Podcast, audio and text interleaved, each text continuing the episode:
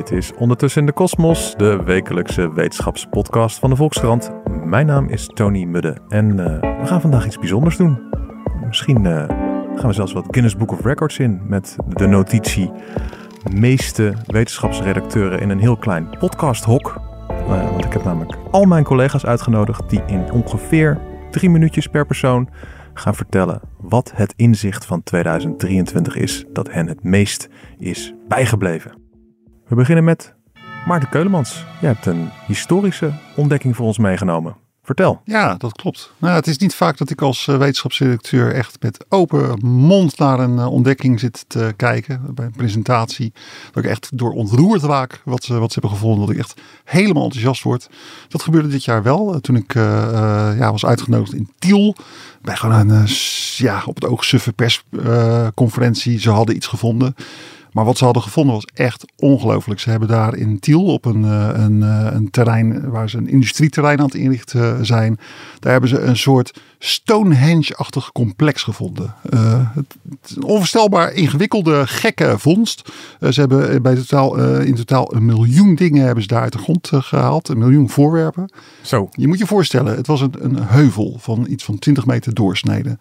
Om die heuvel heen, daar lag een greppel. En die greppel die had bruggetjes. Daar zaten gewoon plekjes waar je er doorheen kon. Mm -hmm. En die plekken waren niet zomaar plekken. Die plekken waren gericht op allerlei bijzondere standen van de zon.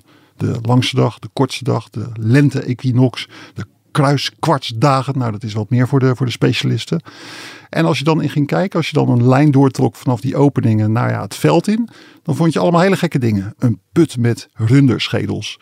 Een veld waar, waar allemaal vrouwen begraven lagen. Nog een put waarin een vrouwenhoofd lag. Uh, in dat, vrouw, dat, dat grafveld met al die vrouwenlichamen, daar lag één vrouw met een hele bijzondere kraal om haar, uh, was, ze, was ze mee begraven. Helemaal afkomstig uit Irak. Ja. Ze hebben daar gevonden op een andere plek in zo'n zichtlijn een hele bijzondere uh, speerpunt. Ja, dit is ongelooflijk. Welke tijd is dit ongeveer aangelegd, denk ik? Dit is 4000 jaar geleden. Het is 2000 okay. voor Christus, de tijd ja. dat mensen nog niet dingen opschreven of zo. Mm -hmm. uh, maar het was echt, echt dus een beetje de, de, de prehistorie. En het grappige is, de prehistorie denk je altijd, oh ja, ja, je had boeren had je in die tijd. En die boeren die, die deden dingetjes in prehistorische boerderijen. Die waren bezig met landbouw, kipje, kippetje hier, kippetje daar.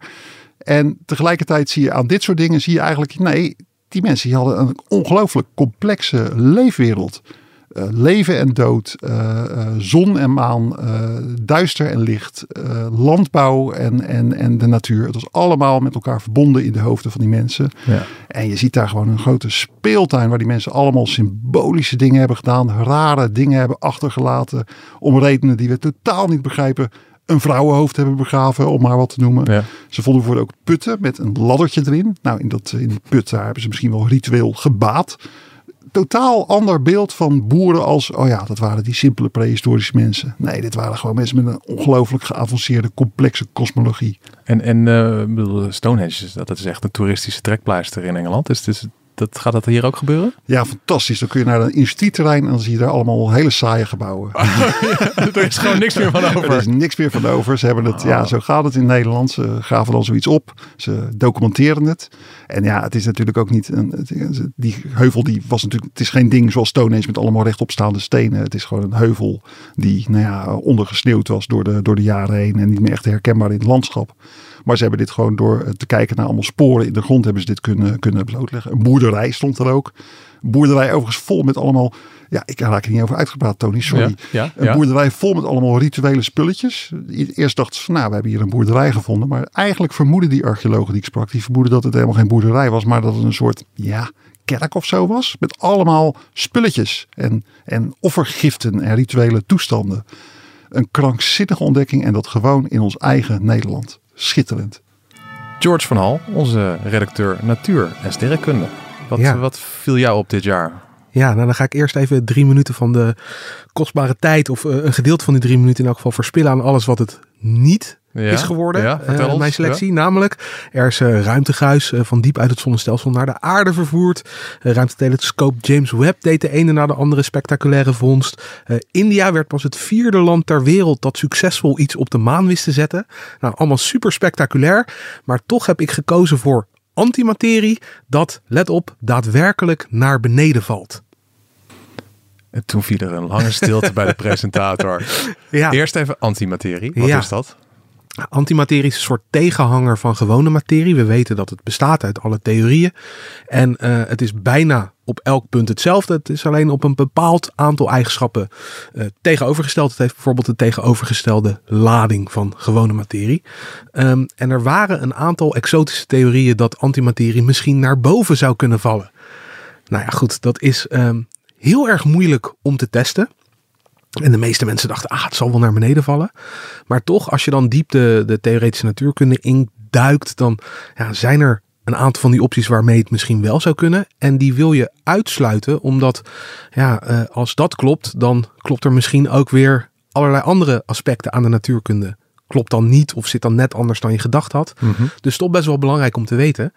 Alleen ja, wil je dan degene zijn die dat experiment doet, heel ingewikkeld om iets te bevestigen waarvan je toch al het vermoeden had dat het zo was. Ja. Nou ja, dat hebben dus een aantal mensen hebben dat gedaan bij onderzoek CERN in Genève. Dus een keurige vakpublicatie over geschreven. En eh, nou ja, leuk genoeg, dat haalde dan toch internationaal best wel de media, ook bij ons. We hebben daar ook eh, gewoon keurig over geschreven. Antimaterie, Gedra- gelukkig, valt Gedraagt gewoon zich naar beneden. in alles anders dan gewone materie, Ja, maar als het valt gewoon wel naar beneden. Als het op gewone materie botst, Mhm. krijg je pure energie. Mhm. Ehm, dus het, eh, het heft elkaar gewoon volledig op. Zo tegengesteld is het in bepaalde opzichten. Maar het valt in elk geval gelukkig gewoon naar beneden. De wereld is net zo ordelijk misschien wel als we het van tevoren gedacht hadden. En ik als iemand die vroeger te veel naar Star Trek heb, heeft gekeken, kunnen we hierdoor nu wel met de lichtsnelheid naar verre planeten reizen? Ja, in Star Trek hebben ze dan materie-antimaterie reactoren hè, om, hun, Ja. om hun ruimteschepen mee aan te zwengelen. Ehm, ja, die zou je nog steeds kunnen bouwen, want eh, dat is gebaseerd op dat principe dat als je die twee dingen op elkaar laat botsen, dat er dan energie vrijkomt. Nou, overigens heeft niemand nog een bouwplan klaar liggen hoor, voor materie-antimaterie reactoren, maar dat is hiermee niet van de baan. Dankjewel, George. Laurens Verhagen, onze redacteur AI, kunstmatige intelligentie. Ik moet, eh, vrees ik, gelijk even vals spelen. Want er is niet één eh, specifieke wetenschappelijke ontdekking waar ik op eh, ben af, aangeslagen het afgelopen jaar. Eigenlijk zou je het jaar in AI kunnen typeren als een aaneenschakeling van, van progressie. Nou het begon, en opnieuw moet ik een beetje vals spelen, eind vorig jaar. met de komst van ChatGPT. Maar dat is echt dit jaar massaal omarmd. Eh, miljoenen, honderden miljoenen gebruikers. En het is ook wel bizar eigenlijk als je terugkijkt hoe snel dat is gegaan. Dat, dat mensen nu voor het eerst met AI zijn gaan werken. Eh, dat het impact heeft op werk, op school, eh, op van alles. En ehm, ik zag onlangs een filmpje voorbij komen, een aankondiging voor een, van een nieuwszender. Die dan volgend jaar met een, een AI-nieuwsprogramma komen.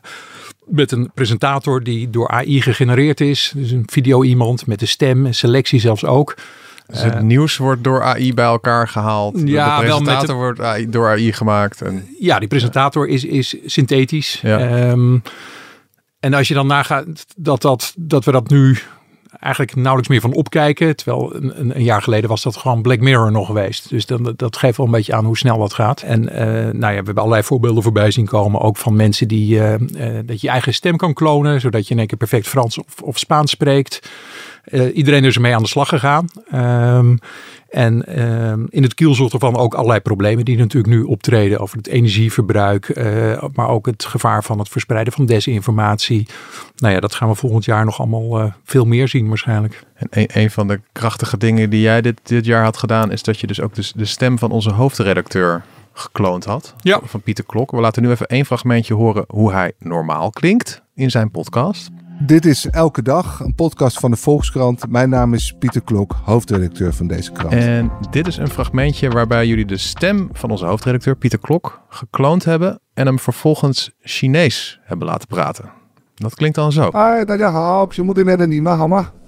我是来自中央广播电视总台第七少节目中心的主持人黄伟。 En dan, dat, wat het enge hiervan vind ik altijd van ja, hier hoor je nog wel eens iets, iets geks mee aan de hand, maar het lijkt wel op elkaar die stem. Maar dit is natuurlijk pas versie eh, 3.0. Dit wordt alleen maar beter, deze techniek. Ja, en, en, en toen we dit maakten was het allemaal nog heel veel handwerk. Dus we hebben echt onze programmeurs aan het, eh, aan het werk moeten zetten. Niet ver daarna, en dat kondigden we toen ook al aan, eh, kwamen denk ik appjes beschikbaar. Eh, waardoor eh, iedereen dit nu kan. En, eh, en de volgende stap is video. Ja, dus het wordt steeds beter. Dat is ook precies waar de experts voor waarschuwen. Van, van ja, in een wereld wereld waar alles nep kan zijn, wie, wie kan je nog vertrouwen? Ja, want ik had dit al ook laten luisteren door iemand die dus vloeiend Chinees spreekt. En die zei van ja, er wordt hier wel echt Chinees gesproken. En het, is Ja. wel, het, is wel, het klinkt wel echt als Pieter Klok. Het klinkt Ja. wel, ja, Ja. tegelijkertijd, ja, precies. Ja. Dankjewel. Margriet Oostveen, onze redacteur Sociale Wetenschappen. Wat blijft jou bij van Ja. dit jaar? Toch wel een enorm eh, Facebook-onderzoek uit juli, eh, waarbij voor het eerst eh, onderzoekers heel diepgaand konden vergelijken wat gebruikers van sociale media via algoritme aan politieke berichten in een tijdlijn ontvangen. Daarvoor zijn eh, 208 miljoen Amerikaanse Facebook-accounts onderzocht en 640.000 eh, webpagina's of URL's. En daarvan is bekeken hoe die zich bewogen tussen die verschillende accounts. Mhm. De 208 miljoen accounts waren accounts waarvan Facebook wist wat de politieke voorkeur van de gebruiker was, conservatief of progressief. Waardoor je dus kon zien waar gaan die eh, web. eh, die webadressen heen, die nieuwsberichten en van welke snit zijn ze en wie krijgt ze het meest te zien. Dat hebben ze daar kunnen uitvinden. Ja, interessant. Ja. En eh, wat volgde eruit? Ja, toch wel heel opmerkelijk. ehm, misschien wat ook wel veel mensen verwachten, maar dat inderdaad conservatieve gebruikers veel meer eh, informatie, conservatieve informatie te zien krijgen. eh, zonder progressieve informatie of met maar een heel klein beetje. Mhm. Dus progressieve gebruikers krijgen meer gemengde informatie. De onderzoeker zelf maakt een heel mooie vergelijking met de snelweg. Eh, als je twee rijstroken hebt, dan is die van eh, democratische Amerikanen, de progressieve, is vrij smal, die rijstrook. En de rijstrook van de conservatieve is heel breed. Er komt gewoon veel meer informatie langs die bij ze past.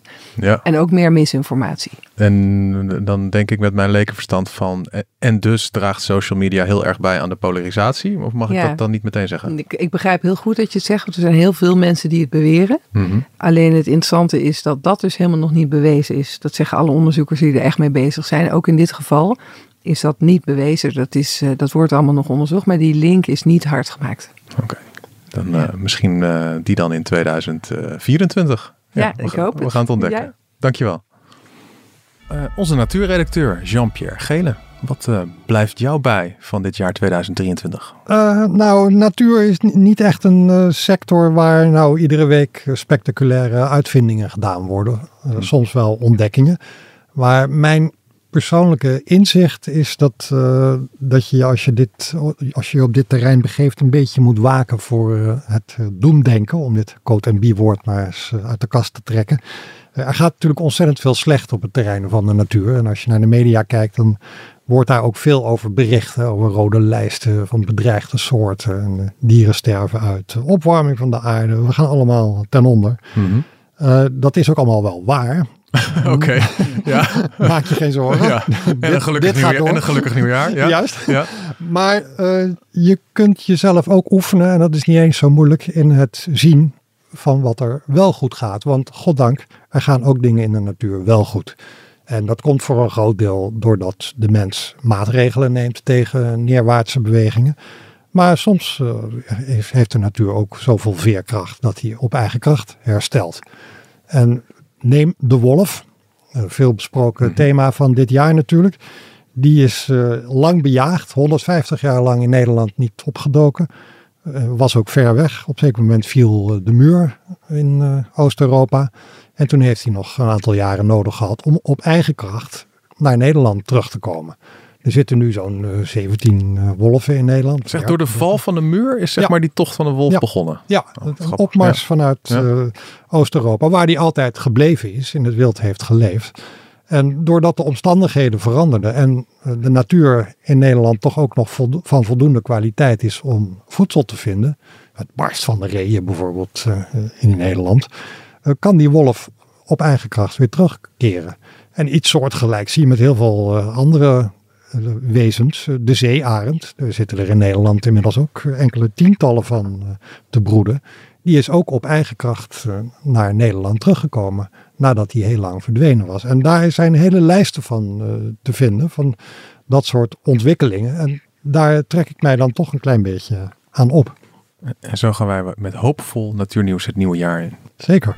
Het inzicht uit de wereld van de psychologie door onze redacteur psychologie en brein, Kaya Bauma. Ja, dat was wat mij betreft toch wel dat de Nederlandse psychi- psychiaters hebben gezegd... eh, we betuigen onze spijt voor de omgang met eh, LHBTI-personen. Dat deden ze niet in, eh, ergens op een papiertje achteraf... maar gewoon openbaar op hun congres spraken ze zich daar echt voor uit... van nou, we, we zijn daar verkeerd mee omgegaan in het verleden. Oh, echt een soort publiek mea culpa. Ja, precies. Ja. En excuses mocht het niet heten... want daarvoor vonden ze dat het breder gesteund moest worden... vanuit de hele maatschappij. Oké. Eh, maar wel een spijtbetuiging dus. Ja. En eh, wat hebben ze de LHBTQI-gemeenschap dan misdaan, vinden ze zelf? Ehm, nou, eh, mensen met een andere geaardheid of transgender personen die golden in de psychiatrie heel lang als psychiatrische patiënten. Het Ehm, stond gewoon echt in het, in het psychiatrisch handboek van... De er, er, is, er, is, er is iets mis met jou als jij als man op een man valt. Klopt, ja. het stond echt als eh, homoseksualiteit, stond als stoornis in de DSM. Ja. Tot 1973 was dat. En ik geloof zelfs dat de Wereldgezondheidsorganisatie dat tot 1990 nog op de lijst met geestesziektes heeft, eh, had staan. My god. Dus dat was heel lang, ja. En het was ook wel gewoon om daarvoor eh, een behandeling aan te bieden. Dus het was in Nederland was dat waarschijnlijk voornamelijk eh, gesprekstherapie. Mhm. Hè, dus in gesprek met een psychiater voor jou, omdat je homoseksueel was. Waarvan je dan genezen zou kunnen worden. Maar er waren ook gruwelijke behandelingen, zoals chemische castratie. Dat gebeurde hier ook. En je hebt ook iemand gesproken die zelf eh, homo is en eh, op een gegeven moment dat tegen zijn ouders zei en die hebben hem toen doorverwezen naar de dokter, toch? Hoe, hoe, Ja. hoe ging dat? Ja, zijn moeder zei geloof ik, eh, oh, toen hij zei van ik ben, ik val op man. Het zei, nou dan moeten we de dokter maar bellen. En dat was de huisarts van de dorpsarts. En die zei, nou jij kunt geen homo zijn, want ik heb jou nog op de wereld gezet. Dat was een beetje de sfeer waarin dat ging. Ja. ja. Ja. en hij kwam uiteindelijk bij een psychiater terecht. Die, eh, die zei van, nou ja, dit, dit heb je allemaal verzonnen vanuit je eigen onzekerheid om aandacht te krijgen. Ja, dat heeft hem nog wel heel wat jaren. Alles wat je iemand niet toewenst, die Ja. met eh, dit soort gevoelens rondloopt. Ja. Ja. absoluut ja. Dus dat heeft ook wel echt schade eh, berokkend. En dat, dat de psychiaters dat nu zien en erkennen, dat is ook wel onderdeel van dat zij als beroepsgroep ook wat meer zeggen, wat meer bescheidenheid eh, proberen uit te stralen. Eh, zo van, eh, nou ja, we, we weten eigenlijk ook niet alles en we hebben in het verleden ook niet alles goed gedaan. Dus dat is wel, dit markeert echt die ontwikkeling ook wel in dat veld. En wat vond die meneer die er zelf van? Dat die psychiaters nu zeggen, spijt betuigen van dit hebben we gewoon niet goed gedaan? Ja, de, de- hij was daar heel blij mee. En ik- hij had het niet zelf bedacht van tevoren dat dit zou moeten gebeuren. Dat was denk ik ook wel het mooie aan die spijtbetuiging. Dus het was niet eens dat allerlei oud-patiënten hier heel erg voor moesten lobbyen. Dus Patiënten tussen aanhalingstekens. Maar ehm, het kwam echt vanuit de psychiatrie zelf. En eh, ja, het, heeft hem, het gaf hem heel erg eh, het gevoel van dat hij alsnog gezien werd. En dat het, dat het erkend werd dat het niet goed was geweest voor hem. Dankjewel Kaya. Frank Rensen, onze tech-redacteur. Hi. Wat, eh, wat is jou bijgebleven van het Nou, jaar? Wat mij is bijgebleven is dat op een gegeven moment opdook dat ehm, van de 8000 actieve satellieten die Mhm. op dit moment rond de aarde heen draaien, De satellieten die het nog doen, zeg maar. Ja. eh, eh, exact, Ja. dat daarvan 4500 van eh, Elon Musk's Starlink zijn. Dus meer dan de helft. Dus van, wow, dus als ik naar boven kijk naar, de, naar de sterren en als het dan echt een goede donkere avond is, dan zie je ze wel eens voorbij komen. Mhm. En meer dan de helft daarvan is van Elon Musk. Ja, absoluut. Ja. Eh, en dat eh, is best eh, spannend als je erover nadenkt. dat dat van één persoon, van één bedrijf, van SpaceX is. Elon Musk natuurlijk dezelfde man die ook Twitter heeft gekocht. Dus Ja. die begint steeds meer controle te krijgen over de techwereld.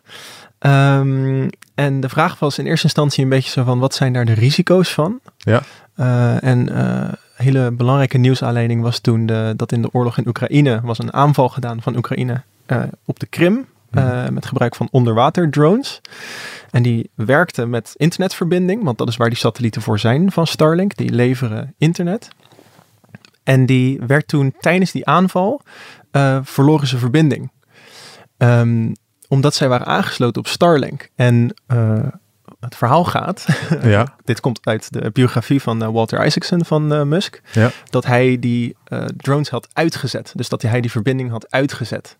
Omdat hij die aanval vond hij een beetje spannend. Hij had zoiets van, ja, maar wat nou als Rusland dan terugslaat? En dat is misschien heel gevaarlijk. En toen heeft hij gewoon een soort van judgment call gemaakt.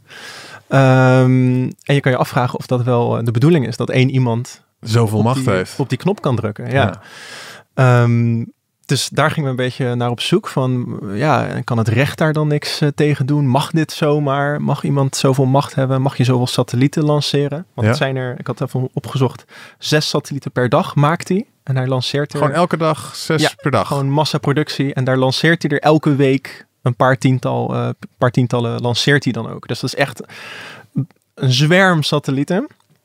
Eh, en al zoekend kwamen we er ook achter dat ehm, eh, de ruimte ook echt heel erg vol aan het raken is. Eh, er zijn dus eh, 8000 satellieten, waarvan 4500 van Elon Musk. En dat aantal dat groeit ook hartstikke snel. Ja, de ruimte is aan het volraken. De ruimte is aan het volraken, Ja. omdat ze, al die satellieten die zitten in een hele lage baan om de aarde op zo'n 200 kilometer hoogte. En daar is net iets minder ruimte dan als je op eh, ik veel, 200 kilometer hoogte zit. En is een hele belangrijke beperkende factor in die internationale competitie. Of er nog wel ruimte is voor jouw satellieten. Ja. En ehm, eh, het lijkt er echt op dat, eh, of hij dat nou heeft bedoeld of niet, maar dat ehm, ja, de aanwezigheid die Starlink al heeft in de ruimte, eh, echt een soort van belemmerend effect heeft op de competitie die bijvoorbeeld de EU of Amazon, die is ook bezig met zo'n satelliet, internet-satellietenvloot, ehm, dat dat het echt moeilijk maakt. Ehm, eh, ik had gesproken met een expert die zei dat het nu al alleen door Starlink al best wel gevaarlijk druk begint te worden. Ehm, eh, en dat het een beetje de vraag is van ja, hoe, hoe, hoe komen we daaruit als je daaruit wil? Dat het er allemaal op elkaar gaat botsen. Dat het dan, ja, ze moeten 75 keer ingrijpen, Starlink, per dag. Dat je dan moet uitwijken zodat je niet tegen een satelliet aanbotst. Ja, Ja. dus vijf- 75 keer per dag bestaat er daar zeg maar, een risico van, oh eh, wacht eens even, het kan zijn dat die en die satelliet op elkaar gaan botsen. Ja, dan hebben we nog 20 seconden voor eh, de oplossing van dit probleem. Van een voller wordende ruimte en, eh, en de megalomane eh, Elon Musk. Nou, komt die? Ja? weet ik niet. Maar eh, één optie is eh, ehm, eh, de manier waarop satellieten met elkaar praten gaat vooralsnog met radiocommunicatie. Maar er is een nieuwe generatie communicatie-instrumenten die werkt met laser. Mhm. En die satellieten die er nu zijn, die gaan op een gegeven moment opbranden. Die worden dan verwijderd en die worden vervangen. En op dat moment kunnen wij als, als Nederland en als EU zeggen van oké, in die generatie satellieten, zeker met de kennis die we in Nederland hebben over lasertechnologie, die heel groot is, Mhm. kunnen we een soort van aanhaken om, eh, om een, ja, een soort van rol te krijgen in die internationale satellietcompetitie.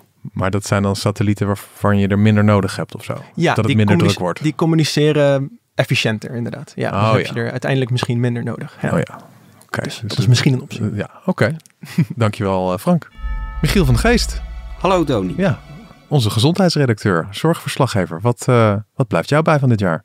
Nou, wat eh, ik heb uitgekozen voor deze, voor deze gelegenheid is de toch wel definitieve doorbraak van de anti-obesitas medicatie. Eh, en dat is een grootschalige ontwikkeling. Hè. Dus eh, eh, we hebben in Europa het bedrijf Novo Nordisk, oorspronkelijk Deens. En tegenwoordig het allergrootste bedrijf in beurswaarde van Europa. Eh, ironisch genoeg hebben ze daarvoor een eh, onder andere Nestlé ingehaald. Een leverancier van vooral dikmakend... Chocomel.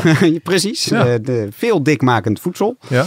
Ehm, en Novo Nordisk is zo groot geworden omdat zij Ozempic en Wegovy hebben. Twee medicijnen eh, die kunnen helpen bij het afvallen. En dat is een van de heilige gralen van de farmaceutische industrie. Want overgewicht en obesitas zijn grote gezondheidsproblemen. Eh, al sinds 2000 eh, betitelt de WHO, dus de Wereldgezondheidsorganisatie, eh, overgewicht als een, eh, als een pandemie. Eh, en de, ze verwachten dat in 2035 wij eh, jaarlijks wereldwijd 4 biljoen euro aan eh, de gevolgen van overgewicht moeten uitgeven. Dus dat is een 4 met 12 nullen. Mhm. 4000 miljard. Ja. Ehm, want het overgewicht brengt natuurlijk heel veel gezondheidsproblemen met zich mee. hart- en vaatziekten, depressie, eh, van alles. Nou, en nu is eigenlijk de race om het, eh, de, de anti-obesitas medicijnen echt eh, goed van start gegaan. Uh, dus naast Novo Nordisk is, uh, is er nog een andere farmaceut die uh, inmiddels toegang heeft in Groot-Brittannië en Amerika met hun afslankmedicatie. Roche, grote Zwitserse farmaceut, heeft onlangs een bedrijf voor een paar miljard overgenomen met, zeggen ze, nog veelbelovendere technieken. En dat leidt ertoe dat er toch ook echt serieuze mensen zijn die er verstand van hebben. En zeggen over 10 tot 20 jaar kennen wij het gezondheidsprobleem overgewicht niet meer. Dat is wel echt shocking. Tenminste, ja, ik bedoel, ik, ik, ik zit nu denk ik 25 jaar in de wetenschapsjournalistiek. En ik denk dat ik ongeveer, zeker in de begintijd, één keer per twee jaar een stuk schreef van waar blijft toch die afslankpil? En dan was elke keer de conclusie van, het is te ingewikkeld, kan niet, moeilijk, moeilijk, moeilijk. En er is nu wel echt iets aan het veranderen. Er is nu, uh, ja, daar lijkt het toch wel echt op. Uh, er, er, is nu iets aan, aan het veranderen. De, de precieze werking die is niet uit te leggen binnen drie minuten. Maar uh, je krijgt in ieder geval een minder hongergevoel van. En als je wel heel veel gaat eten, word je er kotsmisselijk van. dus ja, laten mensen dat wel uit hun hoofd. Mm -hmm. dus ja, dus, en daarom is het ook wel zo'n grote doorbraak. Als je kijkt naar, naar, naar, kankermedicijnen bijvoorbeeld. Dat gaat toch altijd in hele kleine stapjes. Ja. En eindpunten die moeten worden aangepast. En hier lijkt toch echt sprake van uh, daadwerkelijk uh, gewichtsafname als mensen het uh, gebruiken. Overigens altijd in combinatie met een gezondere leefstijl en gezonder eten. Het is geen wondermiddel van ik spuit het in en de kilo's vliegen eraf. Je moet er ook wel daadwerkelijk echt iets voor doen. En als je stopt met het nemen van het medicijn, dan komt het ook gewoon weer terug. Oké, dus je zit wel je leven lang eraan vast. Ja, daarom uh, zijn farmaceuten ook zo ontzettend blij met dit uh, middel. Want dit is natuurlijk... Uh, een levenslang abonnement. Een levens, je, ja. Dus je weet van, oké, okay, gegarandeerd is het een probleem als je veel te zwaar bent. Dat gaat gegarandeerd heel veel gezondheidsproblemen opleveren. Dus als er een pil is waarmee je die kilo's verliest... en er zitten misschien ook wel risico's aan die we laten ontdekken... dan, dan is dat misschien, weegt dat we misschien wel minder zwaar. Ja, dat weet je natuurlijk niet, want je weet niet of die nadelen nog komen. Maar het zijn, over het algemeen zijn het, waren het medicijnen die al bestonden als antidiabetes ja. medicatie. Ja. Waar nu tekort aan is. Dus daarom zeggen farmaceuten ook, neem het alleen op recept. Want anders is alle medicatie voor de diabetici op. Dat mm -hmm. is ook niet eerlijk. Um, maar het wordt dus al wel een tijdje gebruikt. Dus uh, als middel. Maar dan niet tegen overgewicht. Maar het bleek als bijwerking te hebben dat je er vanaf viel. En toen dachten de farmaceuten, hey, Oké. Okay. Wacht eens. Oké. Okay. En dan, dan, dan, een laatste glazen bol vraag. Als wij over 20 jaar weer in deze podcast zitten, in 2043, ja. dan, dan lopen er alleen maar slanke mensen door het land? Ik heb vaker grote beloften uh, uh, gedaan zien worden. En de praktijk blijkt toch altijd weer barstiger dan die belofte. Dus uh, ik zou daar geen geld op inzetten. Maar ik denk wel dat het een stuk minder zal zijn. Dankjewel, Michiel. Ellen de Visser, geneeskunde, medische wetenschappen. Ja. Wat, wat blijft jou bij van dit jaar? Nou, we gaan het vierde coronajaar in. Um, en dat is voor de meesten van ons een boze droom. Hè? Het herinnert ons aan wat we allemaal niet mochten en konden. Ja. Maar er zijn heel veel mensen voor wie die boze droom nog steeds voortduurt. Uh, mensen die nog steeds uh, het gevolg ondervinden van een corona-infectie. En voor een kleine honderdduizend van hen is het leven echt tot stilstand gekomen. En dat zijn vaak jonge mensen, uh, politieagenten, verpleegkundigen die zijn afgekeurd, artsen die hun vak niet meer kunnen uitoefenen. Dat weten we. Daar hebben we vaker nog over geschreven. Ja. Maar dat wil ik toch nog even benadrukken. Ja. Want voor die groep. Het post-COVID-syndroom. Het post-COVID-syndroom, ja. ja. Uh, voor die groep kwam er het afgelopen jaar, nou, ik zou niet willen zeggen een doorbraak, Mhm. maar toch wel hoop. En hoop is een woord dat je in de wetenschapsjournalistiek eigenlijk niet mag gebruiken. Hè? Want laat eerst maar eens zien. Hè? Of het echt werkt. Of ja. het echt werkt. Ja. Maar ik durf dat woord wel in de mond te nemen. Um, wat we hebben gezien is dat er uh, bijvoorbeeld uh, een veertigtal artsen is gaan samenwerken. Uit allemaal academische ziekenhuizen. Dat is best bijzonder. Om te gaan speuren naar de oorzaak van het post-COVID-syndroom. Dat is nog steeds niet duidelijk. Mm -hmm. En dan kun je zeggen, ja, wat moet je dan met een oorzaak? Maar als je medicijn wil vinden, moet je eerst de oorzaak vinden. Um, en over medicijnen gesproken, ook daar was best wel positief nieuws. Want de tweedehandsjes blijken het ook bij het post-COVID-syndroom heel goed te doen. Tweedehandsjes? Tweedehandsjes bestaande medicijnen. Ja. Een antidepressivum blijkt bij sommige mensen goed te werken. Metformine, een, een antidiabetes of een diabetesmedicijn, blijkt het ook heel goed te doen. Een paar weken geleden is duidelijk geworden dat er een uh, antistof ook weer bij sommige patiënten met hele ernstige post-COVID uh, de, de, klachten heel erg vermindert. Maar hoe kan het dat zeg maar medicijnen die voor zo zulke ja. verschillende aandoeningen gebruikt worden dan kunnen nou helpen? Ja, die werken bijvoorbeeld ontstekingsremmend. Of die werken tegen, hè, de, tegen de aanwezigheid van virusdeeltjes. Um, er zijn ook dus mensen die post-covid hebben. Er zijn ook verschillende nou ja, soorten post-covid ja, of zo. dat zegt men. Er zijn een aantal hypotheses over wat het post-covid-syndroom veroorzaakt. En het zou, als dat zo is, dan heb je voor de ene post-covid-patiënt een ander medicijn nodig dan voor de ander. Oh Antidepressivum werkt dan weer bij een bepaalde groep en niet bij een andere groep. Maar het mooie is dat ze hebben ontdekt dat er medicijnen zijn die sommige mensen van die klachten afhelpen. En dat vind ik wel heel hoopvol. Sterker, ze gaan nu een groot internationaal onderzoek doen uh, om die bestaande medicijnen te gaan testen bij, post bij het post-COVID-syndroom. Mhm. en, en, en misschien dat de oplossing ook nog van een antikankermiddel kan komen. Want in september zijn onderzoekers van het Amsterdam UMC tot de conclusie gekomen dat er in het bloed van post-COVID-patiënten ehm, een enzym aan het voortrazen is. Ja. De handrem op de aanmaak van het enzym ontbreekt bij deze patiënten, zo is hun, hun suggestie. Waardoor, die cellen, waardoor cellen in het lichaam van deze patiënten maar steeds maar kapot worden gemaakt. Mhm. En dat antikankermiddel zou die handrem kunnen repareren. Oké, dat werkt alleen nog in een bakje. Ja. Maar ze gaan. Ja, ja. Dus voorzichtig zijn. Maar um, ze gaan dit jaar al uh, met patiëntenonderzoek beginnen. En wat ik nou zo mooi vind, is dat al die onderzoeken worden gedaan met particulier geld. Dus ook hoopvol vind ik het feit dat er zoveel artsen zijn die heel erg betrokken zijn bij deze patiënten, omdat ze ze zien en spreken en zien hoe slecht het met ze gaat. Dat ze hebben besloten, we steken de koppen bij elkaar. En dat er ook gewoon particulier geld voor uh, beschikbaar is. Dus als ik dan een wens mag uitspreken voor 2024, is dat ik nog heel veel over post-COVID-syndroom ga schrijven. Mhm. Maar dan met allemaal mooie resultaten over medicijnen die werken. Dat zou echt gaaf zijn. Mooi. Dankjewel, Ellen. Dit was Ondertussen in de Kosmos, de wetenschapspodcast van de Volkskrant. Grote dank aan mijn gasten van vandaag, de voltallige wetenschapsredactie van de Volkskrant. En grote dank aan jou, de trouwe luisteraar van deze podcast. Volgende week zijn we er gewoon weer. We hebben helemaal geen kerstpauze of zo. En uh, mocht je nou van plan zijn uh, misschien iets te gaan drinken, zo met oud en nieuw, dan uh, hebben wij de anti-kater special. Alles wat je wel en niet allemaal wilde weten over de kater en wat daartegen helpt. Tot dan!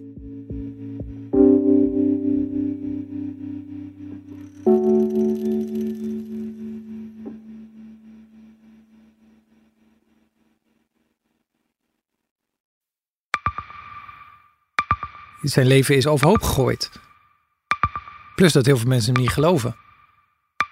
Vrienden niet, die, die denken, ja, hij is gewoon gek geworden. Hoe naar moet dat zijn? Als je vertelt over de meest indringende ervaring uit jouw leven en niemand gelooft dat je het echt hebt meegemaakt. Ja, ik vind zelf niet dat ik het verzonnen heb, maar sommige mensen denken dat wel. Maar hoe kom je erachter of jij je doelwit bent van een geheime dienst? Ik heb ook wel eens meegemaakt dat je het idee hebt dat inlichtingdiensten in je geïnteresseerd zijn. En dan kun je wel heel veel zien, wat er misschien helemaal niet is. Als ik s'avonds nog iets ging eten, dan volgden die mensen mee naar het restaurant. En dan terug van het restaurant naar het hotel. Als zij op een gegeven moment zei, kijk maar uit, want anders word je dadelijk nog het voert ook. Shit, ik moet hier weg. Dat is, is niet goed. Nu word ik gevolgd. Een soort Truman Show is het gewoon. Hè? Alsof dat hele straatbeeld voor jou is ingericht. Maar dan wel met bedoeling jou niet door te laten. Dit kan geen toeval zijn. Een nieuwe podcast van de Volkskrant. Mijn naam is Simone Eleveld en samen met Huid Modderkolk ontrafel ik een bizarre operatie van de geheime dienst. Wat het doel ook is, jij verliest het. Ik werd opgepakt, heel lang ondervraagd.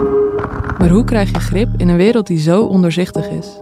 Als je zou liegen, dan zou je niet de meest relevante informatie twee jaar later tussen neus en lippen doorvertellen. Er zal nooit iemand zeggen: Oké, Bart, ik geloof je. Nooit, nooit. Dit kan geen toeval zijn.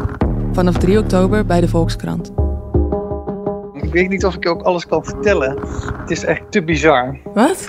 Um, ja.